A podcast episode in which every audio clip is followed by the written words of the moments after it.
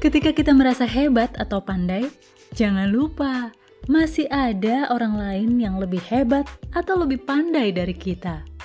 Di atas langit ada langit, mengajarkan pada kita untuk tetap rendah hati dan tidak sombong. Kita semua sama-sama manusia, punya potensi, namun juga kelemahannya.